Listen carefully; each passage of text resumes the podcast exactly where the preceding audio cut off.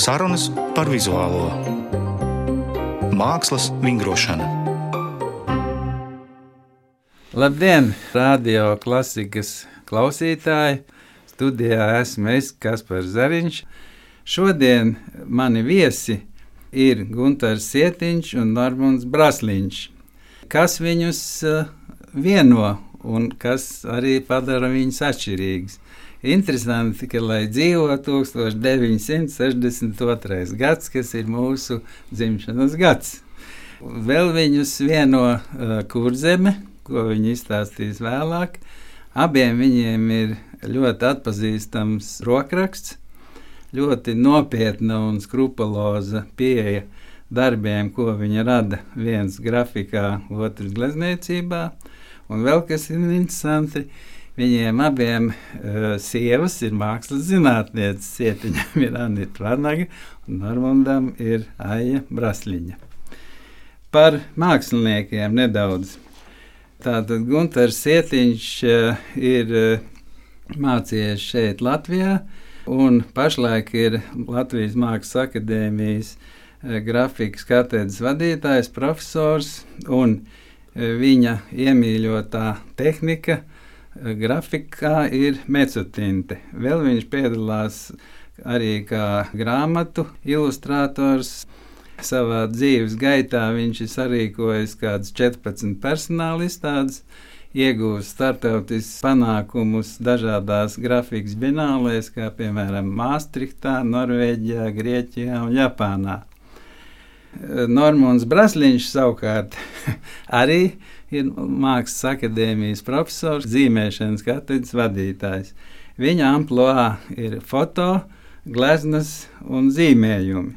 Tāpat es sarīkoju kādas desmit personāla izstādes, un uh, ir startautiskā pieredze dalībā mākslas mesās. Tālūk, tas tāds īsts ieskats, ko sarunas gaitā varēsim papildināt. Kā vienmēr es gribu jautāt, sāksim ar Gunteru Sietiņu, kur viņa pagājusi viņa bērnība un kā viņš ir nonācis līdz mākslai. Nu, labdien, sveiks, Kaspar. Nu, esmu dzimis Kuldīgā un līdz 8. klasē arī tur mācījies Kuldīgas pirmajā vidusskolā. Nu, par mākslinieku jāsaka, es droši vien esmu kļuvis apstākļu sakritības rezultātā. Jo es domāju, ja mans tēvs būtu stingrāks, tas nekas tāds nebūtu noticis. Uh, bet pēc nu, tādām ilgākām sarunām es uh, saņēmu vecāku piekrišanu stāties Rīgas Lietuvas mākslas vidusskolā, kur es arī iestājos. Pēc tam sekoja studijas Latvijas Mākslas akadēmijā, grafikas nodaļā. Nu, par, par tiem bērnības uh, impulsiem uh, nu, zīmēt man laikam pārdevās uh, diezgan labi. Bet kur tu zīmēji pulciņā kaut kādā, ja pats? Zini, es nemaz tādu neatceros. Nē, es vairāk mājās zīmēju to, ko es pats vēlējos. Bet ir viens, viena tāda epizode, ko es varbūt vēlētos izstāstīt. Manas mātes māsīca, mana krustmāte, ir mākslinieka Viļa Krūmiņa meita. Un, kā zināms, Vils Krūmiņš ir Latvijas Republikas valsts ģerboņa idejas un pirmās skices autors. Un bērnībā, kad uh, es kopā ar vecākiem viesojos Rīgā, Latvijas ielā pie krustmātes, reiz mēs tur palikām pa nakti. Es atceros, ka es uh, gulēju istabā, kur pie sienas bija, kā es vēlāk uzzināju, uh, Baltvācu mākslinieka Berharda Borherta mitoloģiska glezna, kurā bija attēlots kentauris ar kailām sievietēm. Es saprotu, ka es ilgi nevarēju aizmigt, domājot par sievietēm un par to, kāpēc tam vīriešu ķermenim ir zirga apakšdaļa. Un, bet, bet tu vasarās uh, pavadīji Kandavā? Nē, vasarās man uh, vecāki saskaņoja at, atvaļinājumus, un tad mēs dzīvojām uh, piebalgā. Uh, Pilnīgi citā virzienā, jā, bet virzienā. man likās, ka tev kādreiz bija saistība ar kurzemi. Jā, man vecāki strādāja Kuldīgā, bet viņi abi dzimuši vidzemē. Skaidrs. Nu, Normand, Kā tev gāja bērnībā? Uh, man laikam ir paveicies, jo es iestājos Rozentāla skolā 11 gadu vecumā. Un konkursu kārtībā tika kopā vienā klasē ar tevi, tavu brāli, māsām Miltnerēm, uh, Alvi Zemzaru, un tur bija vesela mākslinieku plējādi, kas uh, Vīzariņi, kas bija man klases biedri un vēlāk arī kursa biedri akadēmijā. Ja runā par reālo pieķeršanos glezniecībai, tad bija viens ļoti konkrēts brīdis, tā bija 9. klase, kad es sāku gleznot ar eļļas krāsām. Un mums bija uzdevums klusās dabas kopija, un es izvēlējos Vilniņu klāstu, Hedas 17. gadsimta holandiešu mākslinieka gleznu, kas saucās Klusā daba ar meliņu pīrāgu. Tur iekšā gan bija glāzes un kauss un viss, ko vien var salikt klusajā dabā. Un es izmantoju albumu, kas ir Dresdenes mākslas galerija. Un es to reprodukciju izgriezu ārā, lai es viņu varētu labi apstīties. Mēnešu laikā šo gleznu gleznojot, es sapratu, ka es varu uzgleznot apmēram tāpatās kā Heda. Tas varbūt mazliet lielos. un, mm. kad es ieraudzīju, ka tā izstāsta pēc reāls vecmeistara gleznas, tad man vēlāk vairs nebija īsti saprotams, ko man skolotāji grib pateikt, jo man it kā viss palika skaidrs no tās bildes, un vēlāk arī kopējot Van Gogha gleznu, es biju dažādas stilus. Man, atklāti sakot, viss nākamo dzīvi vienīgie padomu devēji bija mani kursa biedri un kolēģi, bet pasniedzējs, lai Dievs viņiem piedod, es sevišķi neatceros, neizņemot varbūt tavu tēvu. Nu, varbūt īsi ieskats, tātad Normons uh, glezno pārsvarā eļas uh, tehnikā, un eļas tehnika, kā zināms, ir Eh, salīdzinoši veca, eh, kas ir Eiropā 15. gadsimta, ko attīstīja brāļi Vaneiki. Holandē, jeb Flandrijā, tolaik, eh, un pēc tam eļļas tehnika arī pārgāja uz Itāliju un Franciju un tam līdzīgi. Kas ir eļļas tehnika? Tā tad Tas ir pigments, kas ir eh, savienots eh, ar dažādu tipu eļļām, vai tā ir magona, jeb lineļa, un pievienot arī ir sveķi. Un, eh, un šī tehnika ir ļoti pilnasinīga, mīksta, un tajā ir sasniedzami milzīgas krāsu nokrāsas, ko izmanto arī Normons, jo viņa viņa Jājam zirgs, ja tā varētu teikt, ir e, sieviešu attēli, jeb e, kailķermeņi kombinācijā ar kaut kādu sadzīves e, priekšmetu. Un Normūna glezniecība balstās šajā flāmu, itāļu vecās glezniecības pamatos, kur tiek uzgleznota forma un kas tiek lazēta ar caurspīdīgu krāsu vairāk kārtīgi. Tā ir norma. Jā. Nu, un, kas tevi saista vizuālajā mākslā? Ko tu uzskati par galveno, kas tavā izpratnē ir māksla? Man māksla vispirmām kārtām ir mans dzīvesveids un man pašizteiksme. Un, es pat sevišķi nedomāju, kas ar tām gleznām notiks, jo man svarīgs ir pats process un tas, ko Kaspars pieminēja, es pētu cilvēka figūru, mēģinu radīt tēlu vispārinājumu, un tas balstās uz formas modelējumu, izmantojot persijas sarkano krāsu un balto, kam pāri tiek veikti neskaitāmi lazējumi. Cik tālāk tur lietas? Līdz 20 kārtām. Bet tur ir jāzina, kā, ar kādām krāsām lazēt, lai iegūtu attiecīgo efektu, ko es mēģinu pretnostatīt. Uh, viendabīgam fonam. Tā ir irreāla telpa, kur dominē tīrie pigmenti, kas rada pilnīgi citu dziļumu sajūtu, un šīs miesas pretnostatījums ļoti spilgtam fonam, kas parasti ir vai nu ultramarīna zilais, sarkanais kadmijs, jeb kāds no dzeltenajiem toņiem. Mm -hmm. Tas ir pēdējie desmit gadi. Tie darbi tev ir lieli, mazi. Ah, dažādi sākot no pavisam nelieliem līdz divmetrīgiem. Nu, es diezgan bieži Cik tu pavadi laiku, lai radītu vienu darbu? Nu, sākot no mēneša līdz trim mēnešiem vidēji. Bet ir bijis arī, kad es esmu gleznojis gadu. Tas bija 93. gads, kad man bija daudz figūru kompozīcija ar 27 figūrām, kur visi bija vīrieši un dažādās kustībās. Viņš saucās Sabiedrība 3, tāpēc ka trešā pēc kārtas. Un, Tā bija dinamiska daudzfigūra kompozīcija, divi reizes trīs no, metri. Kamēr tu runā, pasaki, vai tu glazūzi glazno sev, ja tev interesē arī skatītāja aspekts. Es domāju, gan, gan, bet pirmām kārtām es gleznoju sev, jo, ja es reiķinātos ar skatītāju aspektu, es varbūt mētātos uh, meklējumos, bet mani meklējumi balstās uz manu iekšējo nepieciešamību un līdz ar to Mana attieksme pret glezniecību nav mainījusies teiksim, kopš 80. gada sākuma, nestoties uz to, ka ļoti daudz kas ir mainījies mākslas pasaulē. Man tas kaut kā neietekmē. Viss virziens, viss es palieku pie sevis. Un reizēm jūtos kā balts zvirbulis, bet labāk būt baltam zvirbulim nekā melnam. Tas derētu cietiņam, jo viņš ir balts un melns, tā kā grafiks tagad Gunter. Tātad tu strādā mecotīnā, tā ir interesanti, ka mecotīna te attīstījās, es apstījos sākumā Anglijā. Bet tas nosaukums mecotīna nāk no itāļu latīņu valodas, kas nozīmē melnā manieri. Tur tā, tas princips, tā es saprotu, ko tu vari papildināt, kad tiek ņemta vara jeb plate, kas tiek uzirdināta ar instrumentu, zin, tā kā griež salāts ir tāds kā šūpols ar, ar asumiņiem, kas maigi uzirdina to plati līdz ar to.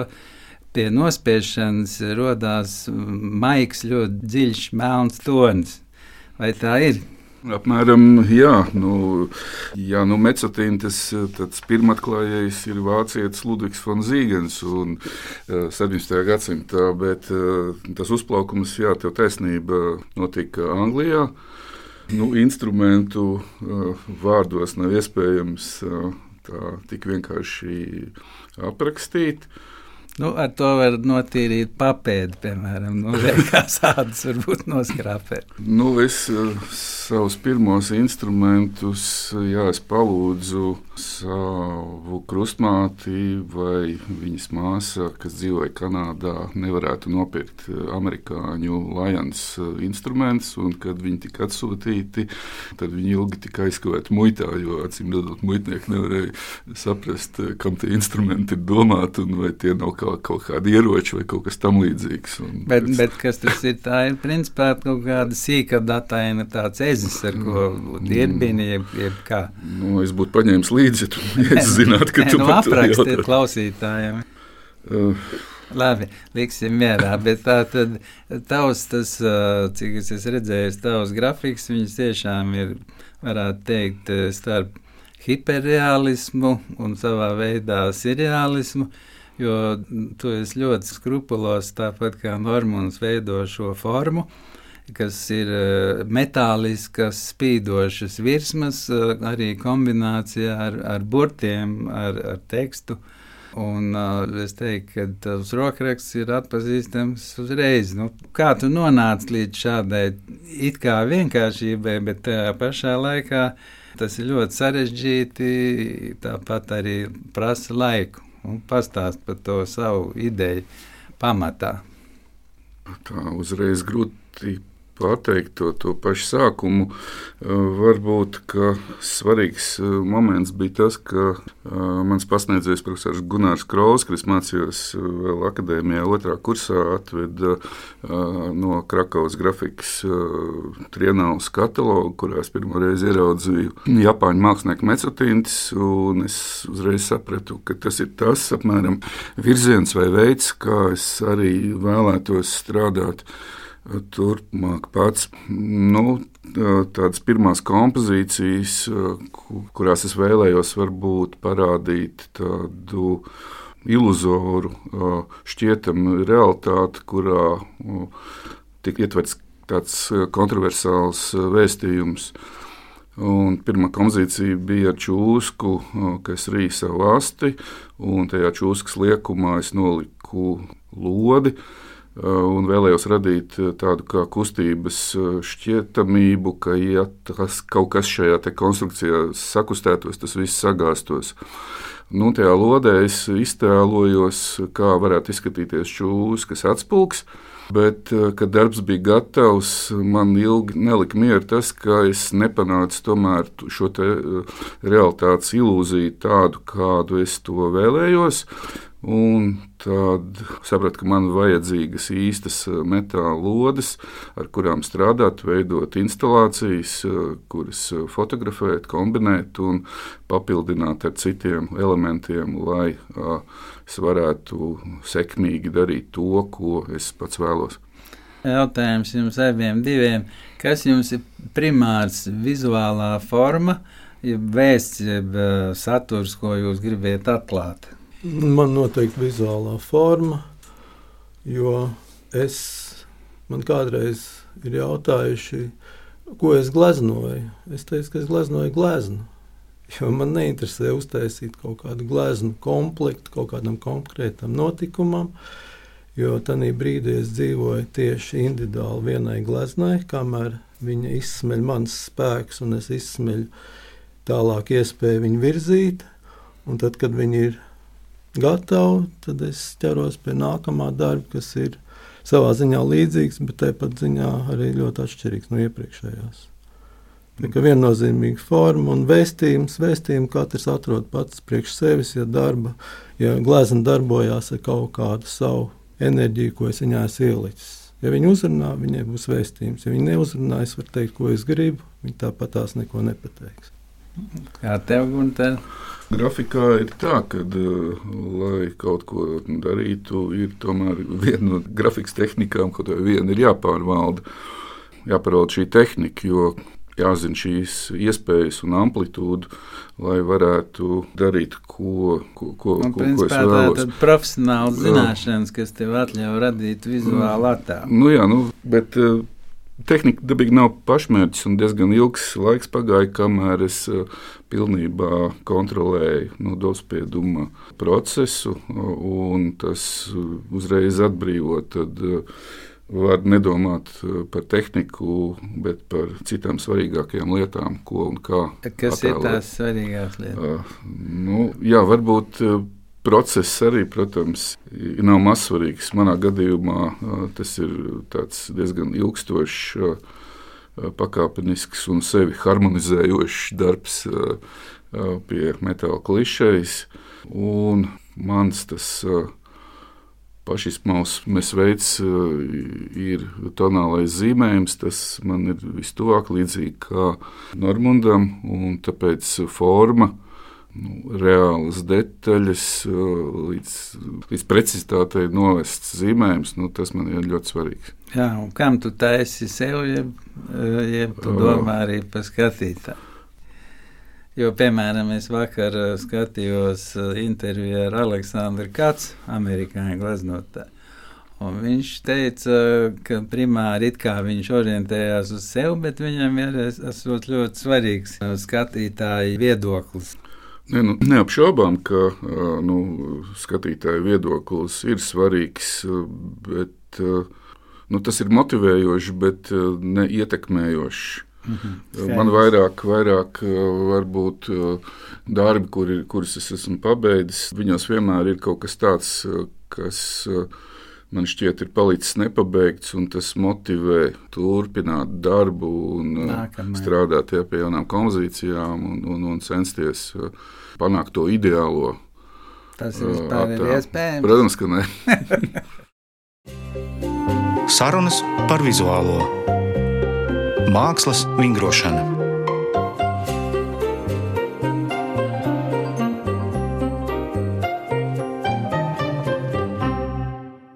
Šodien mani viesi raidījumā Mākslas vingrošana ir Normons Brasliņš un Gunters Cietiņš. Abi izcili mākslinieki un ļoti skrupulozi savā vizuālajā formā. Varbūt parunāsim nedaudz par Mākslas akadēmiju, tā kā jūs abi esat katedra vadītāji. Kas jūsuprāt būtu nepieciešams mūsu mākslas izglītības uzlabošanai, jeb ko jūs mainītu, ja jums nebūtu teiksim, iegrožojumi? Kas būtu tas, ko jūs gribētu ideālā apmācības sistēmā? Es jau diezgan ilgu laiku, kaut kādus 15 gadus, esmu katedras vadītājs. Un, ja zīmēšana vēl joprojām notiek, un studenti zīmē no dabas portretus un figūras, tad uh, es domāju, ka uh, nekas vēl nav slikts noticis un viss ir labi. Un, lai sevi kaut kā attaisnot, es arī pats taisu lielu formātu zīmējumus, gan ne no dabas, Un tas man palīdz visu laiku uzturēt sevi formā, lai saviem studentiem varētu ne tikai stāstīt, bet es parasti zīmēju viņu zīmējumu malā, rādu lietas, ar kurām viņi netiek galā. Bet, ja galīgi netiek galā, tad es beigās viņiem uzzīmēju, un tad ļauju viņiem izēnot to zīmējumu. Eh, un es eh, nemācu akadēmisko zīmējumu, kā daudz uzskata. Es eh, mācu zīmējumu, kā būtu jāzīmē māksliniekam, lai viņam ir interesanti ar to strādāt. Tas ir līnija, forma, apjoms, un katrs ir tiesīgs zīmēt tā, kā viņš izjūt zīmējumu. Protams, Nē, nu, cik es saprotu, tu vairāk orientējies uz tādu itāļu renesanses zīmējumu, kā tur ir Botticelli līnija, Jā. tur ir Leonardo tonalitāte. Jā formā, un, un tā skaitā arī nu, mīkstums zīmējumā un, un tā. Ko tu, Gunter, teiktu, ko tu mainītu savā katedrā, ja vispār mākslas attīstībā? Nu, kad es sāku strādāt par pasniedzēju grafikas katedrā, tad man bija daudz skaidrāk un vieglāk uh, to visu redzēt. Jo es sāku ar to, ka es, būdams students, zināju, kas būtu tas, kas man uh, pietrūka tajā laikā, kad es mācījos pats. Un tāpēc visas tās lietas es centos ar savu kolēģu palīdzību, protams, uzlabot un mainīt. Un daudz ko mēs arī kopīgi izdarījām. Nu, tagad būtu jāprasa droši vien visticamāk studentiem, kas viņus varbūt neapmierina vai ko viņi vēlētos.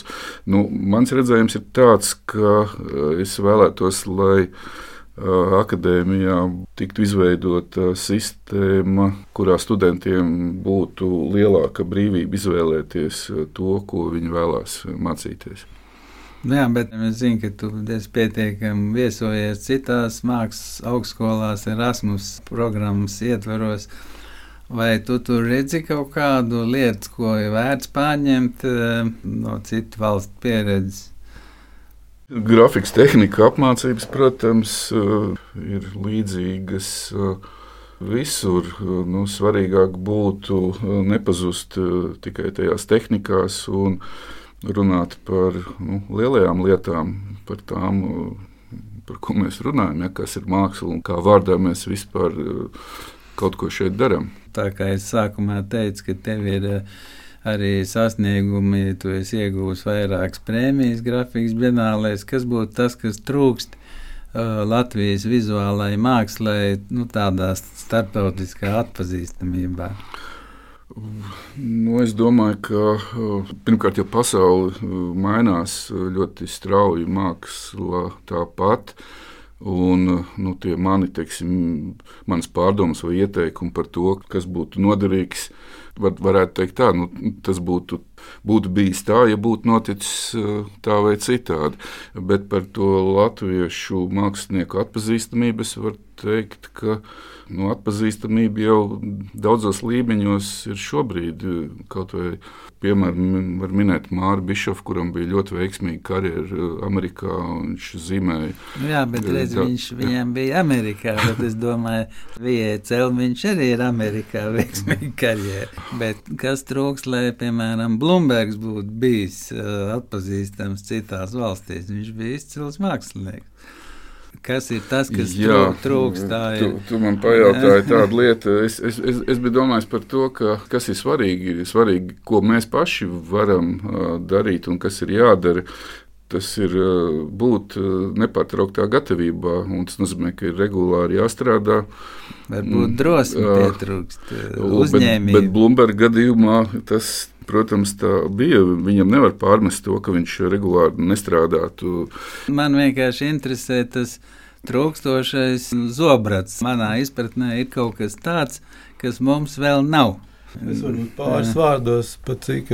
Es akadēmijā mācu arī gleznošanu. Es ļoti interesēts studentu izaugsmē. Tad pirmais mīnus ir tas, ka Ja kādreiz 90. gados Rīgā bija kaut kādas 30, ja ne vairāk galerijas, tad tagad viņas ir noreducējušās uz ļoti nedaudzām. Un īsti nepietiek vietas, kur ļoti plaši studentiem izstādīties. Nākamais ir, ja viņi piedalītos regulāri dažādās mākslas mesēs, kur Teiksim, uz izstādi atnāk 1000, 2000 cilvēku, bet mākslas mēs apmeklējam apmēram 50 un vairāk tūkstoši dažās bet, dienās. Nu, mēs atduramies finansējumu. Mēs atduramies finansiāli arī mākslas menedžmentā, varbūt interesētībā popularizēt mūsu mākslu. Ja jau mums vēl joprojām nav laikmetīgās mākslas muzejs, nu tas jau par kaut ko liecina. Bet tas katrā ziņā neietekmē jauno mākslinieku vēlmi būt radošiem, un labā tendence ir tā, ka viss neiet tikai uz konceptuālu mākslu. Ir mākslinieks strādā tā, kā viņi jūt sevi, un nebaidās sevi parādīt tādus, kādi viņi ir, nevis tādus, kā no viņiem gaida mūsdienu mākslas mode vai kaut kas tamlīdzīgs. Tu uzskati, ka mākslā ir mode? Es domāju, ka mākslā ir kaut kādas tendences, kam tiek dotas prioritātes, jo es tādu mazu atkāpi, ka katram kolekcionāram ir slepenā istaba, kurā viņš noslēpjas un skatās uz gleznām, ar kurām viņš nekad nedalītos publiski, ko viņš novērtē. Tas ir, nu, tas ir mans redzējums. Nē, es to tā jūtu. Katram ir kāds skelets skāpī ieslēgts, un tas ir ar to mūsdienu mākslas skatījumu un izvērtējumu. Lai būtu eh, priecīgāk, ko jūs dariet tad, kad jums nu, pilnīgi negribās neko radīt, ka jums nevajag tehniskas lietas, kā to saistībā ar mākslu. Tas ir jūsu izklaidība, hobija, blakus nodarbošanās, kas sagādā jums vēl prieku dzīvot bez mākslas. Nu, ja tu domā, fiziskās aktivitātes laikam ir vairāk nepieciešamība, nevis hobijs. Nu, ja ar hobiju es saprotu kaut kādu nodarbi, kas nav saistīta ar profesionālā, profesionālo Nē, nu, jomu. Es, piemēram, labprāt braucu uz slēpēm, ja dēļ ziemā kalnos. Nu, tas ir mans mm. hobijs. Normandam arī. Jā, mēs ar Kasparu esam reizes 15 bijuši kalnos. No bērnības slēpojām kalnu slēpēm, tad pirms desmit gadiem pārgājām uz saucamajiem cietajiem dēļiem, kas ir reizes bordu. Kamēr veselība atļauj, tikmēr mēs uh, ar to darbojamies. Tas ir tāds hobijs. No, nu, Man patīk ziemā ielīst ūdenī. Mēs ar sievu un suni braucam regulāri staigāt gar jūru. Tagad man sezona beidzās, jo es reizi nedēļā vismaz ielienu jūrā uz īstu brīdi, bet tagad ir palicis pa siltu. Tas ir joks, sezona tikai sākās. Tas ir man otrs hobijs. Nu, ko jūs novēlētu viens otram, jeb, jeb citiem uh, Latvijas māksliniekiem?